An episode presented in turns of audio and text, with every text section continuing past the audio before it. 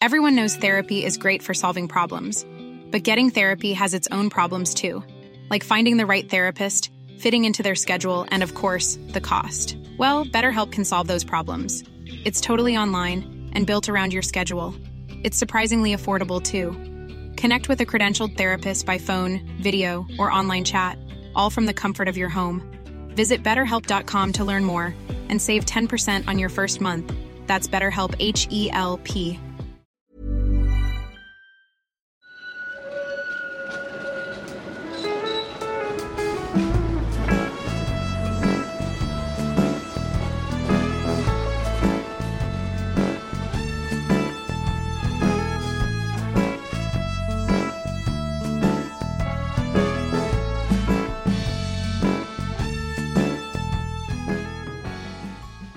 och välkomna till Gator och torg i Göteborg.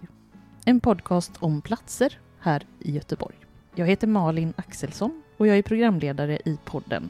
Med mig som vanligt så har jag ju gymnasieläraren och Göteborgskännaren Mattias Axelsson. Hej Malin, Hej! du har bytt efternamn.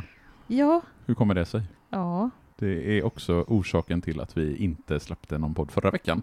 sorry. Vi, Vi hade fullt upp. vi hade fullt upp förra lördagen och gifte oss nämligen. Mm. Och då passade du på att byta efternamn. Så Malin Axelsson är numera programledare i podden. Ja. Och med sig har hon Mattias Axelsson.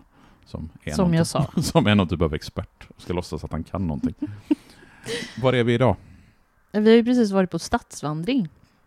Ja, det var supertrevligt. Ja, Tack tack, till- till... alla som kom. Det var jätteroligt. Vi kommer ju att annonsera om nya stadsvandringar framåt hösten när det blir lite ruggigare ute. Det var väldigt varmt och skönt att gå runt i Göteborg. Det var nästan för varmt bitvis. Och fint att gå under jubileet också. Mm. Mycket folk. Såg nästan kungen kan vi säga. Ja, vi såg i alla fall polisen som vaktade kungen vid Ja. residenset. Så det var, det var roligt. Nej, men su- supertack till alla er som kom. Det var jätteroligt Ja. att det var så många som dök upp. Och vi pratade lite efteråt också om att eh, köra en liten drive, att berätta för eh, minst en person, eller helst alla dina vänner, att de kan bli Patreon. För vi har ju lovat att när vi blir 100 Patreons så ska vi göra någon typ av jubileumsfest för Ett det. event. Någon typ av event. Vi har ju pratat om nya Älvsborg eller något åt Mm. det hållet och vi ligger ju precis där under 100 Patreons har gjort så ett tag nu. Såg att det trillade in nya Patreons direkt efter stadsvandringen, så några där har ju blivit Mm. Patreons, så det är kul. Men vi har yt- ytterligare en handfull kvar innan vi når det magiska 100-strecket. Men då blir det en, en längre eh, dagsutflykt kan man säga. Ja, någon typ av Ja. event blir det. Vi får se lite grann vad som är praktiskt möjligt och Mm. ekonomiskt försvarbart att Ja. genomföra. För Ju mer Vår- Patreons så... desto mer pengar, Dest- desto ja. roligare saker kan vi göra. Så kan vi säga. Men eh, då kan man ju tipsa dem om att gå in på patreon.com snedstreck gator och torg i Göteborg. Mm. Eh, och man kan även följa på Instagram, Mm. Gator och torg i Göteborg. Ja, och även Och det gamla Göteborg. Precis, där jag lägger upp Mm. bilder på hur det såg ut förut och hur det ser ut nu på olika platser runt om i Göteborg. Ja. This Mother's Day, celebrate the extraordinary women in your life with a heartfelt gift from Blue Nile. Whether it's for your mom, a mother figure, or yourself as a mom, find that perfect piece to express your love and appreciation. Explore Blue Nile's exquisite pearls and mesmerizing gemstones that she's sure to love. Enjoy fast shipping options like guaranteed free shipping and returns. Make this Mother's Day unforgettable with a piece from Blue Nile. Right now, get up to 50% off at BlueNile.com. That's BlueNile.com. Hiring for your small business? If you're not looking for professionals on LinkedIn, you're looking in the wrong place. That's like looking for your car keys in a fish tank. LinkedIn helps you hire professionals you can't find anywhere else, even those who aren't actively searching for a new job but might be open to the perfect role. In a given month, over 70% of LinkedIn users don't even visit other leading job sites. So start looking in the right place. With LinkedIn, you can hire professionals like a professional. Post your free job on linkedin.com/people slash people today.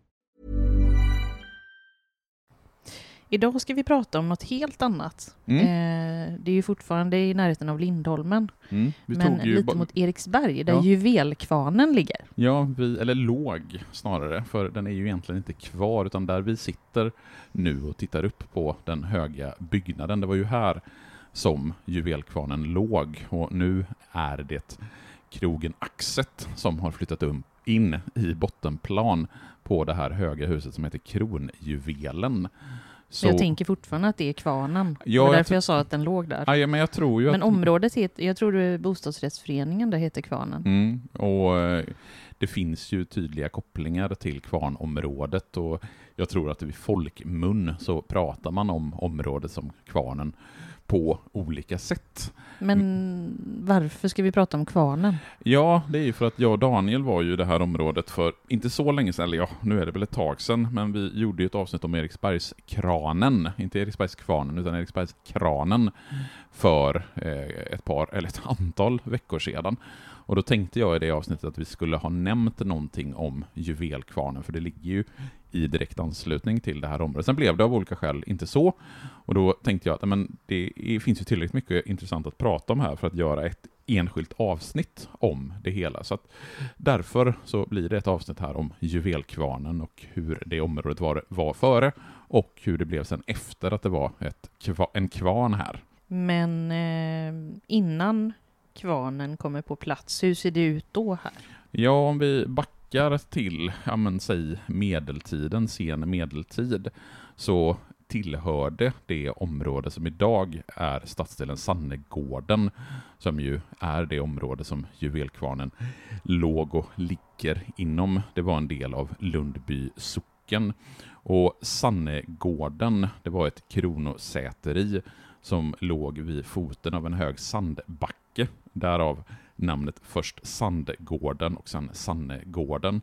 Att den helt enkelt låg vid en sandbacke och därför har den fått namnet Sannegården. Och det äldsta skriftliga belägget som finns för att Sannegården har hetat Sannegården, det är från 1410 då den danska drottningen Margareta utfärdade ett gåvobrev till Svarte Genis som senare blev hövitsman på Akershus. Och det är första gången som Sannegården omnämns. Och om vi sedan rullar vidare under 1500-talet så menade Gustav Stenbock, som var pappa till Katarina Stenbock, Gustav Vasas tredje hustru och därmed Sveriges drottning, att Sannegården behövdes för livsmedelsproduktion till Älvsborgs slott, som ju då låg på andra sidan om älven. Sen förlänades gården på arrende under det tidiga 1600-talet till Cornelius Corneliusson som redan innehade Lindholmens säteri, så han utökade sina egendomar skulle man kunna säga. Och danskarna är här och plundrar under mitten av 1600-talet. Så Sannegården, det är helt enkelt en gård, ett säteri, som blir en skattegård under 1600-talet och precis som allting annat runt omkring här så är det ju jordbruksmark huvudsakligen under stora delar av medeltid och tidig modern tid. Och vi har pratat om eh, vad som hände på andra sidan älven. Mm. Är det samma här då med trankokerier och sillen och sådär? Ja, alltså även här så spelar ju sillen en stor roll. Och det är framförallt under andra halvan av 1700-talet som vi har både sillsalterier och de här trankokerierna. På... Ett himla prat om dem varje gång. Jo, men grejen är ju den att ska vi prata om Göteborgs historia på är det 1700-talet, sill. men då sillen Ja. spelar ju jättestor Jo. roll för ekonomin. Så det är svårt att undvika, det kanske blir lite tjatigt. Vilken doft det måste ha Ja, varit. det kan, inte som ha, låg i det kan inte ha luktat gott runt omkring här vid Eriksberg, Nordviken, Sörhallen, Vättersvik, Kristineberg och andra områden där man hade sillsalterier och trankokerier. Och vid den här, alltså under 1700-talet, då går älven hela vägen upp dit där vi sitter, alltså till Juvelkvarnen och där det nybyggda området nedanför vid Eriksberg låg så var det vatten eftersom det är först senare som man fyller igen älven och gör älven smalare. Och sen kommer industrierna där på 1800-talet även till eh, det, denna delen av stan. Ja, precis som övriga Göteborg så behöver, börjar även det här området att industrialiseras i mitten, mitten av 1800-talet. Den första verksamheten här, det var en liten mekanisk verkstad som hette Eriksbergs mekaniska verkstad och den utvecklas ju sen till Eriksbergs varv. Och 1908 så började Sannegårdshamnen att anläggas i Sannegårdsviken på Sannegårdens ägor. Och den hamnen tar fem år att bygga. 1913 står den klar. Och sen på gårdens gamla ägor så anlades också en lång rad andra industrier, varav den mest kända då är redan nämnda Eriksbergs Mekaniska Verkstad. Sen så förstörs säteriets huvudbyggnad i ett ras 1911, som jag lyckats hitta lite foton på, som jag ska lägga upp på vårt Instagram-konto. Men just det det ser här... riktigt ruggigt ut. Ett Ja. halvt, ganska stort hus. Det var nog inte jätteroligt att vara i det huset ner. när raset var här. Nej, men det som händer i området under 1800-talet, det är ju att området börjar industrialiseras. Men när kommer kvarnen då in i bilden? Ja, alltså två andra stora företag hade redan börjat etablera sig under början av 1900-talet. Det var först Göteborgs ris och valskvarn som tillkom runt 1900 samt AB Mårten Perssons valskvarn. Och när man anlägger den nya kvarnen i Göteborg så fanns det redan tre större kvarnrörelser i stan. Vi hade Axa, Havregrynskvarn vid Agnesberg, Göteborgs Ångkvarns aktiebolag vid Andra Långgatan i Masthugget och då AB Göteborgs ris och valskvarn, eller Gyllenhammars, som den också kallades på Hisingen. Och vid det centrala komplexet med högresta byggnader i rött tegel så byggde man i Sannegårdshamnen den som jag redan nämnde, Mårten Perssons valskvarn. Och anledningen till att man byggde kvarnen just här, det var ju att den var strategiskt placerad i direkt anslutning, dels till hamnen som började växa fram längs med älven, men också i anslutning till järnvägen och vägen som fanns här, så det var lätt att transportera varor till och från kvarnen. Sen hade den här kvarnen en egen kaj i Göta älv. Man byggde helt enkelt en brygga rakt ut i älven där fartygen kunde lägga till för att lossa och lasta. Den här bryggan konstruerades av Carl Ritzén och utfördes helt i trä och man använde runt 600 grova furupålar till att bygga den här bryggan.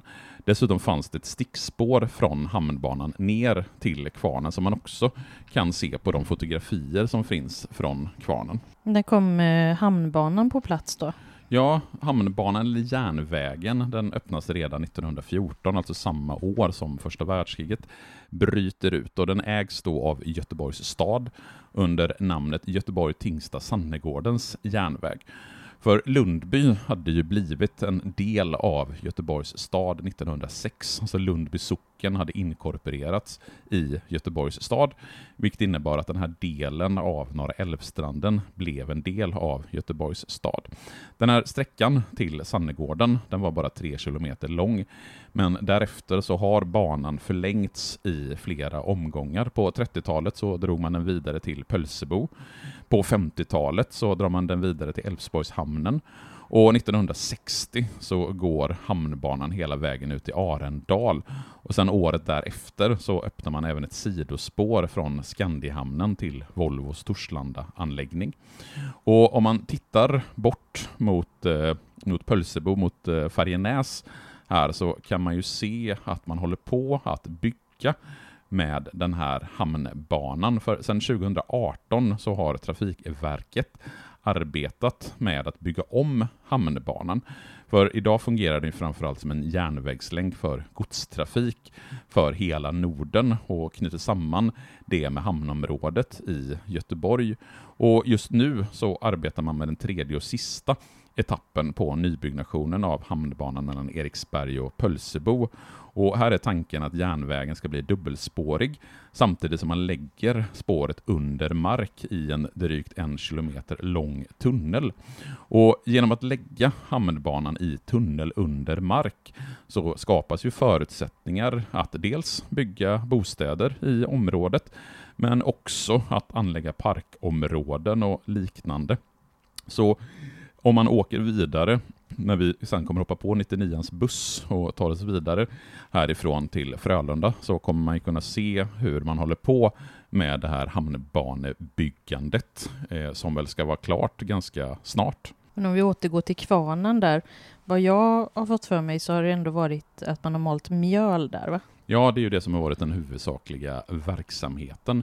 För 1915, efter att man har hållit på med omfattande byggprojekt med lastkaj, man ska bygga järnväg, man ska ställa färdigt kvarnen, man ska bygga arbetarbostäder. Så 1915 så drar man igång verksamheten. Och malkapaciteten i kvarnen den var 500 ton per dygn och magasinen här kunde lagra 4000 ton spannmål. Sedan 1917 så bygger man Sveriges första cylinderformade spannmålssilo i betong med två rör på anläggningen. Sen så säljs hela anläggningen till Kooperativa förbundets dotterföretag Tre Lejon. Och det gör också att verksamheten expanderar och utvecklas under de följande åren. Men det här kooperativa förbundet, var det någon, någon livsmedels... Och det, är ju, ja, det är en del av vad Kooperativa förbundet, eller KF, sysslar med. För KFs historia går tillbaks till 1899, då 44 föreningar samlas i Stockholm för det som kallas för Allmänna kooperativa kongressen. Och den 5 september 1899 så bildas det här kooperativa förbundet. Och syftet med KF, det var ju att vinsterna av försäljningen av livsmedel och spannmål och liknande skulle gå tillbaka till kollektivet. Och att det främsta målet skulle vara en citat lyckligare mänsklighet. Och den huvudsakliga butikskedjan som frontade KF, vilken tror du att det var? Gissa på Konsum. Ja, det är ju givetvis Konsum, eller det som idag är Coop, som var Kooperativa förbundets liksom frontorganisation, eller frontkedja, eller vad man ska kalla det. Och under tidigt 1900-tal så var samtliga storkvarnar i landet sammanslutna i någon typ av nästan oligopolorganisation som då bestämde priserna på mjöl och därmed också i viss mån priserna på spannmål för konsumenterna. Och i en skrift som KF själva gav ut så beskriver man det så här. Helt naturligt stödde kooperationen de svenska hushållen mot kvarntrusten. Man lyckades fullständigt först sedan man förvärvat de två av landets största kvarnar, Tre Kronor i Stockholm och Tre Lejon i Göteborg. Och därigenom så bröt man storkvarnarnas makt att diktera priserna på ett av våra viktigaste födoämnen.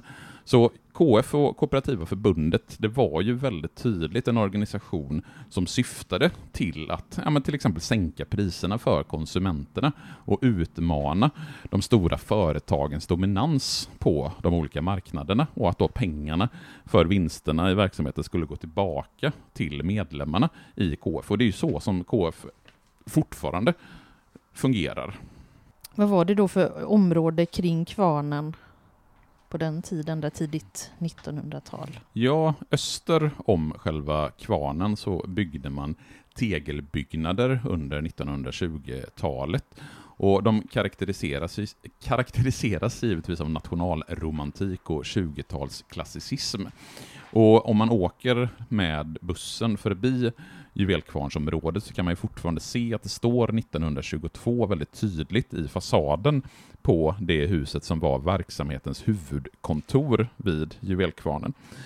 Sen utvecklas juvelkvarnsområdet över tid till att bli ett mycket tätt bebyggt område, framförallt i den östra delen medan den västra delen av juvelkvarnsområdet det domineras helt av det som kallas för Silo 4, som jag tror att de flesta fortfarande kommer ihåg. Det var den som till bara för några år sedan låg precis där hållplatsen Eriksbergstorget idag ligger.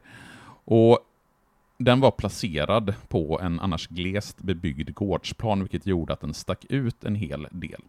Förutom själva silon så fanns det många små, låga och glest placerade byggnader bredvid silon. Det var bland annat garage, det var ett kvarnkontor, det var en förmansbostad och så en hel del äldre verkstadsbyggnader. Och jag har hittat ett fantastiskt fint litet flygfotografi över området innan den här Silo 4 byggs, där man dels kan se järnvägsspåret passera förbi och man kan se de två stora byggnaderna som centralt ligger i området som fortfarande står kvar och som idag inhyser bostäder plus den här kontorsbyggnaden som uppfördes 1922 och strax där bakom så ser man de här mindre och lägre byggnaderna. Och runt omkring själva området så är det ju väldigt sparsmakat med bostäder för den låg ju under det tidiga 1900-talet ganska självt. Det fanns ju inte den här mängden av bostadsområden runt omkring som vi har idag. Just den här Silo 4, den har ju vi båda sett. Mm. Den bestod ju av eh, stora vita cylindrar som Mm. står bredvid varandra, 16 stycken, i en eh, rekt rektangulär eh, form. ja, och sen så karaktäriseras den ju av den här typisk, Skylten. som det står juvel väldigt tydligt längst upp. Ska ju Mm. givetvis lägga upp bilder på den, Den är ju brutal och inte så fin, men men man minns den. är ja, som, ett, som ett landmärke. Ja, nästan. väldigt typiskt landmärke byggd i mitten på 1950-talet av AB Armerad Betong. Och det var Olof Tunström som jobbade på KFs arkitektkontor som ritade den här silon. Och han var en funktionalistisk, modernistisk arkitekt och var en av de mest välmeriterade, välmeriterade arkitekterna på KFs arkitektkontor. Och just den här modernistiska arkitekturen ser man ju väldigt tydligt i hur eh, juvel, eh, Silo 4, är utformad. Och den bestod då av de här 16 cylindriska cellerna för spannmålsförvaring. Den hade en överbyggnad för horisontella transportbanor som fördelade spannmålen i cellerna samt ett elevatortorn vid den södra fasaden. Själva skylten som karaktäriserar väldigt tydligt den här silon, den tillkom efter namnbytet 1973. Härligt retro i eh, röd bakgrund och vit text. Men eh, kvarnen är ju inte kvar. Vad, vad, vad hände sen med kvarnen? Ja, alltså från 1925 fram till att den läggs ner i maj 2001 så ägs kvarnen av Kooperativa förbundet som i början av 2000-talet bestämmer att man ska koncentrera produktionen till andra orter. Och under den första perioden av kvarnens historia så dominerades byggandet av de stora tegelvolymerna och de första rödfärgade silobyggnaderna i sydöst. I det senare skedet av byggandet av kvarnområdet så var de mest framträdande karaktärsdragen de här jättelika vitmålade silopaketen, silo 2, 3 och 4, samt givetvis då de här rödvita skyltarna med företagsnamnet Juvel och sen en röd krona ovanpå. JM Bygg köp, köper år 2000 hela området för 138 miljoner kronor av KFs dotterbolag Tre Lejon. Och sen under våren 2004 så inleder man en ombyggnad av juvelkvarnen till bostäder. Både själva kvarnen och silobyggnaden Mjölner byggdes om och det nya bostadshuset Tre Lejon uppförs. Och de tre ursprungliga byggnaderna, kvarnen, silobyggnaden och magasinet, fick inte rivas eftersom de hade ett betydande kulturhistoriskt värde, vilket gjorde att de bevarades och sedan byggdes om till bostäder. Och jag har ytterligare fotografier här som jag kommer att lägga upp på vårt Instagram-konto, där man kan se juvelkvarnen från söder runt år 2000, alltså strax innan den läggs ner. Och då kan man se de här två stora silopaketen åt söder, silo 2 och 3, som rivs i samband med att man bygger om till bostäder. Och den sista silon som man river, det är ju den här stora silo 4 som står lite för sig själv precis ovanför Eriksbergstorgets hållplats. Den försvinner under 2018 och istället så börjar JM att bygga kronjuvelen som det här huset som ligger precis ovanför oss där vi sitter. Och kronjuvelen, den ska var vara 25 våningar. Jag har inte räknat och sett om det stämmer, men enligt JM Byggs egen hemsida så är det här huset 25 våningar och dubbelt dubbelt så hög som själva silon var. Och det finns ju faktiskt på Google Maps bilder från 2009-2011 där någonstans på den här Street View där man kan se hur kvarnen är och sen kan man hoppa fram till idag och även bilder däremellan när kvarnen är helt borta som är ganska roligt att ta sig fram på Street View på Google Maps och ställa sig vid Eriksbergstorget, titta rakt upp på kvarnen, kolla hur såg det ut 2009, hur såg det ut 2018 och hur ser det ut idag 2022? För idag så har vi en helt ny byggnad, den som då kallas för Kronjuvelen. Och den ska vara lika hög som Eriksbergskranen, alltså 80 meter hög. Och den här rejäla höjden gör ju att byggnaden blir det i särklass högsta huset i det här området. Och det är ju inte lika högt, inte ens i närheten av att vara lika högt som till exempel Karlatornet som vi passerade på vår stadsvandring idag. Men man ser ju ändå kronjuvelen från flera platser runt om i området. Och åker man över Älvsborgsbron som vi gör ganska ofta och tittar ner här så sticker ju faktiskt kronjuvelen ganska tydligt ut som en hög byggnad i området med sina 80 meter. Något som är fint är ju ändå, som jag uppskattar, är ju att man har gjort om de här eh, husen till bostäder. Och att man har behållit den här industriella känslan inne i bostäderna. Jag vet att jag arbetade hos en kvinna som bodde i Kvarnen, hette det. Mm. Det är ett av de bruna husen där som fortfarande är mm. i tegel. Mm. Och hur har man bevarat den industriella känslan inomhus i de husen? Nej, alltså det, i taket så är det fortfarande liksom det är liksom inte klint som en, en, en vanlig Nej. lägenhet utan det är stora rör och eh, betong... Eh, vad ska man säga? Det är en industriell känsla helt enkelt i ja, det är, lägenheten. Grejerna är kvar liksom. Ja. Man har ju målat över det såklart. Men ja. det är ju...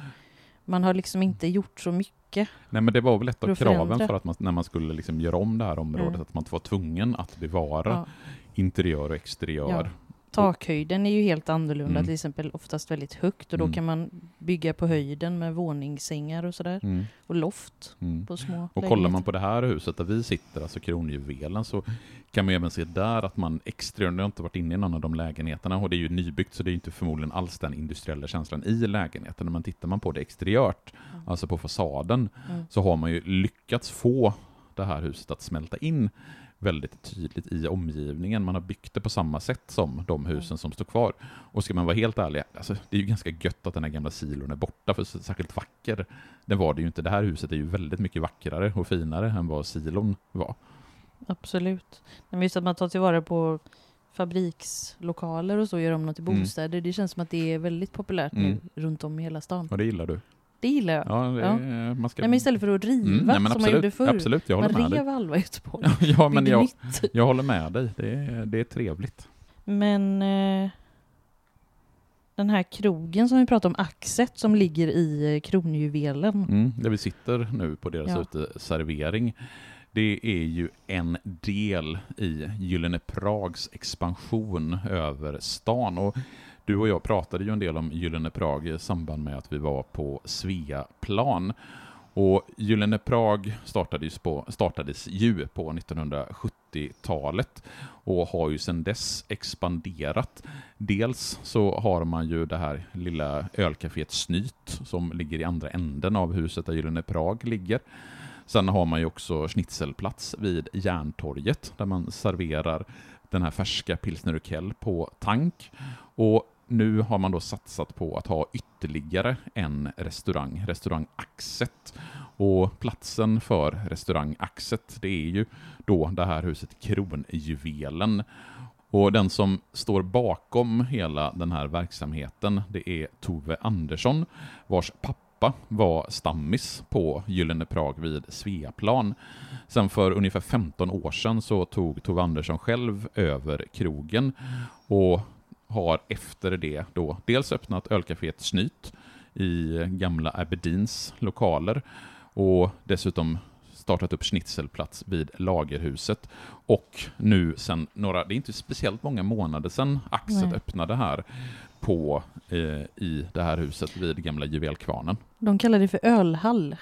Ja, och vi har ju varit här och druckit och ätit. Vad är ditt omdöme om, eh, om det här stället? Det är väldigt avskalat, modernt, eh, moderna rätter. Mm. Det, var, det är trevligt med det här med pilsner och kell. Så drickat. Och även att Men det är inte samma rustika känsla som på, de- på de andra verksamheterna. Det här är mer, eh, det är lite modernare. Ja mycket skulle jag Mm, säga. ja, mycket modernare, absolut. Och till exempel det ny, lika nästan nyöppnade Schnitzelplats vid, eh, i Lagerhuset är ju betydligt mer rustikt i sin, eh, sin stil. Ja, och i, i en gammal lokal också. Mm. Som, men det är en fin lokal och det är en jättefin målning där inne på väggen i, på Schnitzelplats. Som Åsa-Hanna Nordemark har målats. Mm. henne kan man följa på Insta. Nej, hon kanske inte lägger upp sina målningar på Instagram förresten. Mm, jag vet inte, men det är en jättefin eh, Ja, muralmålning där. dit får vi åka Mm. någon gång och äh, käka schnitzel igen och dricka öl och göra podd Det blir det väldigt mycket reklam för. eh, Ja, men jag tycker att Gyllene Prag förtjänar att hyllas och den verksamhet som Gyllene Prag har på olika ställen runt om i stan. Men därmed har vi väl kommit fram till någon typ av nutid i och med Ja. att vi har tagit oss från Sannegården när det var jordbruksområde och kronosäteri via Eriksbergs mekaniska verkstad och framförallt då kvarnverksamheten som dominerade just den här platsen från det tidiga 1900-talet ända fram till egentligen sent 90-tal och väldigt tidigt 00-tal. Och idag så har det blivit ett bostadsområde. Och det som jag tycker, om man ska liksom avsluta, är lite intressant, det är just att om du går runt här kring Eriksbergstorget och ner i vid Eriksbergskranen och den hamnen som är in där, så finns det ju faktiskt en hel del verksamhet. Alltså det finns lite restauranger, Mm. det finns ölcafé, det finns lite pubbar. Så det här har ju verkligen förutsättningar att bli ett levande område där människor kan mötas. Ja, det tar alltid tid innan ett nytt område känns levande, men det, det känns ju mer och mer eh, levande. Ja, och det jag. är ju relativt enkelt att ta sig hit om man åker kollektivtrafik eftersom Mm. det är ganska många bussar. Nu 99 Båtar. går ju, ja, båten kan du också ta till, till Eriksbergs eh, där nere så kan du ta båten. Mm.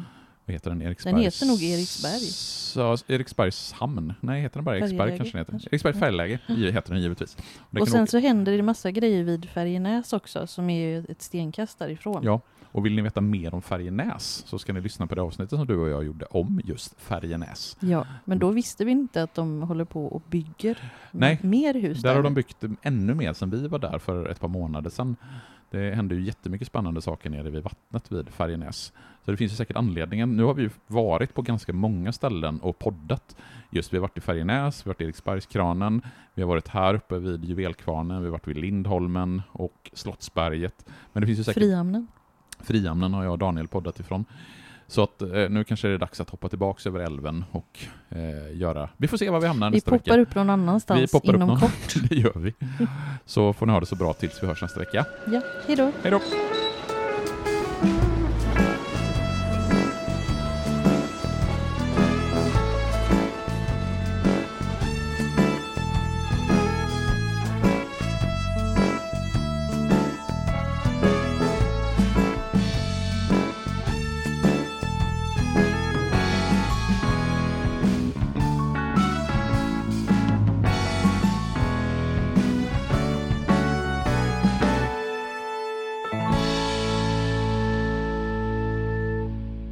Gator och torg i Göteborg produceras av Reostat Media AB.